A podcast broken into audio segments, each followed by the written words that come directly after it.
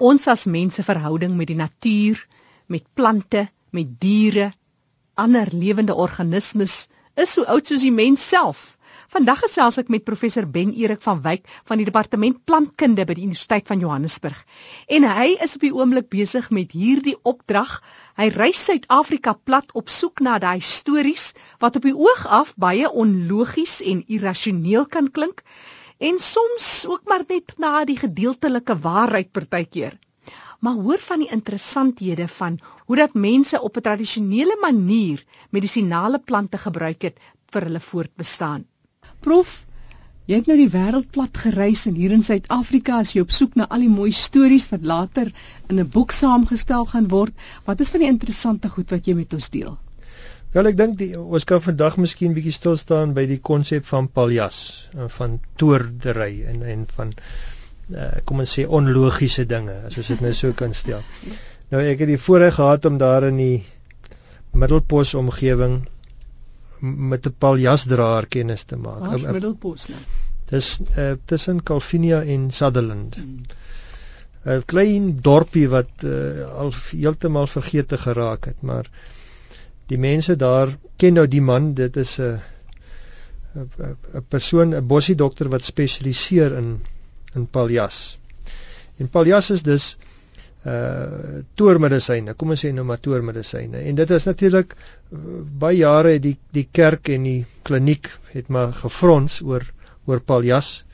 Uh, dit is eintlik 'n taboe onderwerp. Ja. En ek dink dit is jammer want baie van die plante wat gebruik is in paljas het nou al vergete geraak. Die stories is nooit opgeteken nie omdat mense maar skaam of huiwerig is om te praat oor hierdie bonatuurlike of kom ons sê onwetenskaplike sogenaamde onwetenskaplike storieetjies. En dis een van die dimensies in die Karoo gebiede wat ek uiters interessant vind.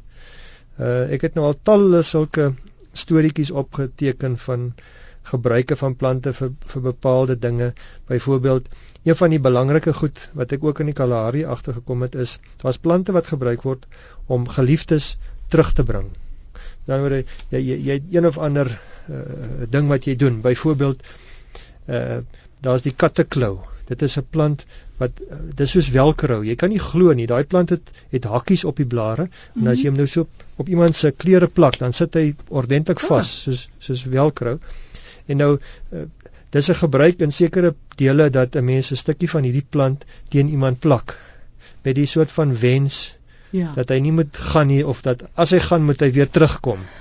Ehm um, so, so dis een van die baie opvallende en en en volop gebruike is is om geliefdes om te sorg dat geliefdes weer terugkom. Maar daar's dus hierdie irrasionele element van van plantgebruik wat vir my baie interesseer. Ek meen in die in my eie uh, ervaring weet ek mense sê jy moenie onder die leer deurloop ja, nie, ja. of as die uil op die dak skree ja. dan gaan iemand dood of jy moenie 'n spieël breek nie en al sulke bygeloofies. Nou daar's die wonderlikste bygeloofies in die Karoo eh, in die in die Kaap. Uh een van die baie interessante bygelowe is die een van die waterslang. Nou die waterslang het verskillende name in verskillende gebiede.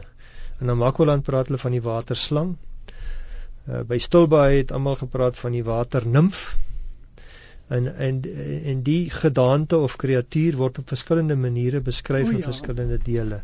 Maar dit kom daarop neer dis 'n dis 'n 'n wese wat in die water leef en wat mense lok na die water toe. So met ander woorde, die water is eintlik 'n bedreiging en kinders word dus gewaarsku om nie naby die water te gaan nie omdat die waterslang jou sal vang en jou sal intrek. Wat ook uh, oral word my vertel is dat onder die water is daar 'n ander wêreld wat lyk net soos die wêreld bo kan die water. Dat dat jy het, jy het gras en jy het beeste wat wy en jy dis absoluut normaal maar dis onder die water. Daar word vertel dat 'n sekere ou tannie wat gereeld vir die watermense gaan kuier en dan hmm. verdwyn sy vir 'n paar weke lank en kom sy weer terug hmm. en dan vra hulle vir haar waar was sy dan sê sy sy was by die watermense. Wonderlik.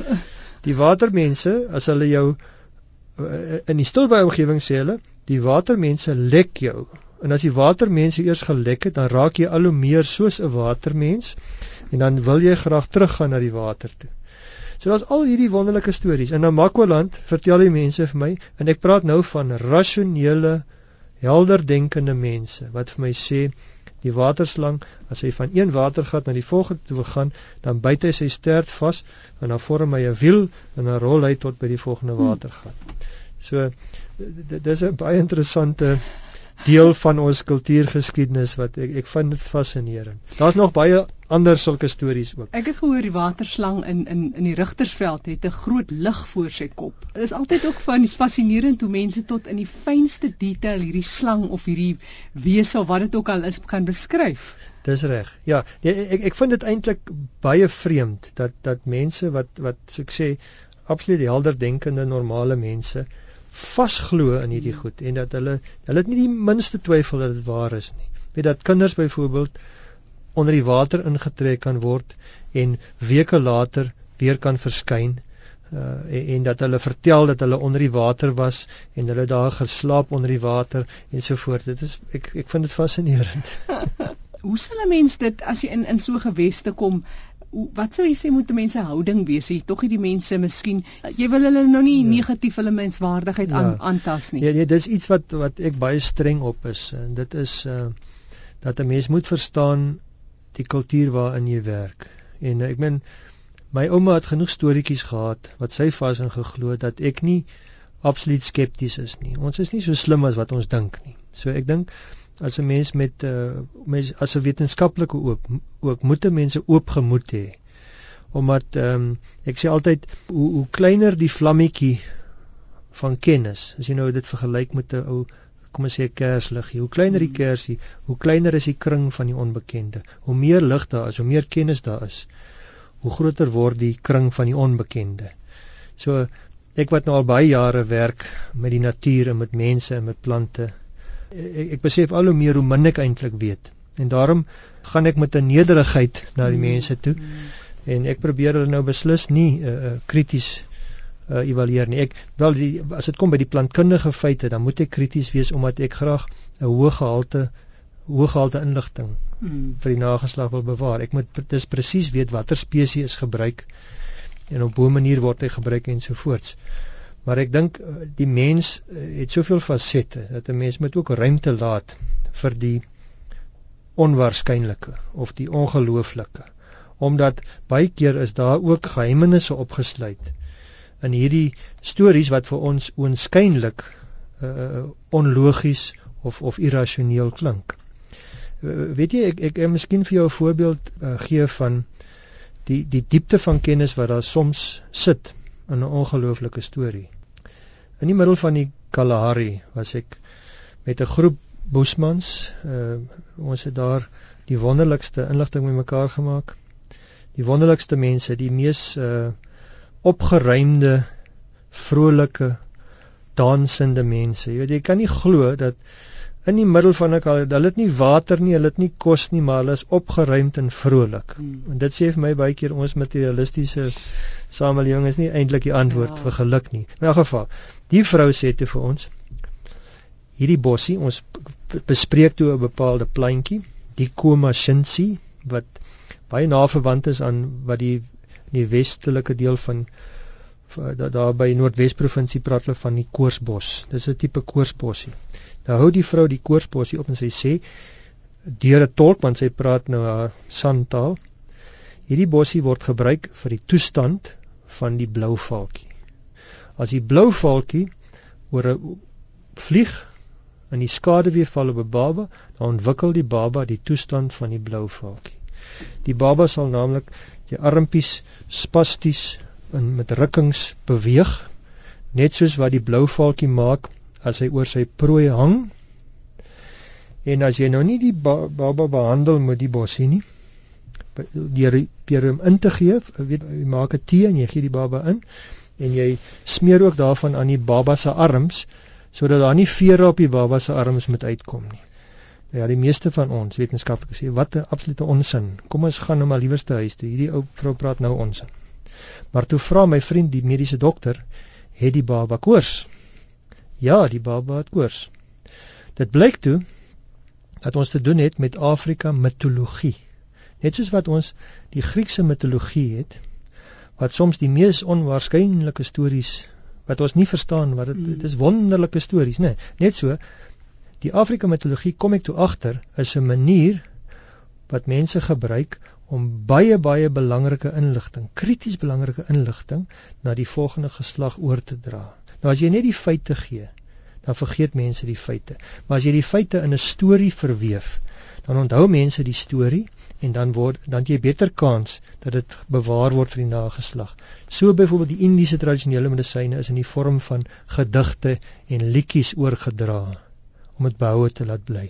En hier het ons dus te doen met suiwer Afrika mitologie oor hoe om uh, koors in babas te behandel. Né? Nee? Want kyk 'n babatjie maak mos sy swaai mos sy arm so as hy nou spasties as hy nou né? Nee? En ehm um, die vere van die arms is mos nou die Engelse praat van goose flesh. Ons praat van hoendervleis. Ja, Dit ja. lyk mos asof daar veertjies uitkom. So die hoendervleis van die koors word behandel.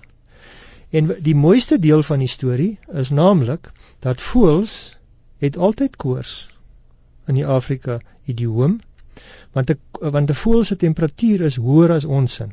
As jy 'n hoender voel, hy voel mos warm. Hoekom? Want sy temperatuur is hier by 39 40 rond terwyl die mense is dit 37 of 38 ja met ander woorde 'n voël het, het voortdurend koors so daar's baie storieetjies in Afrika wat te doen het met die toestand van die voël dit beteken koors en as jy dus nie die vermoë het om hierdie mitologie te interpreteer nie dan maak jy dit baie maklik af as onsin mm. en dis daardie storie het my geleer dat 'n mens moet nie te skepties wees oor 'n onwaarskynlike storie nie omdat daar dalk elemente is wat ons maar eenvoudig nie verstaan nie En die waterslang het heel moontlik ook elemente wat ons net nie verstaan nie en daarom is ons skepties. En so gesels professor Ben Erik van Wyk, hy's van die departement plantkunde by die Universiteit van Johannesburg en hy het ons vertel van hierdie interessante verhouding wat ons voorouers gehad het met die natuur en met plante. As jy terugvoer het oor die storie en ander inhoud wat jy hoor op Ekoforum, laat weet my gerus. Ek het 'n e-posadres. Dis eku@rsg.co.za.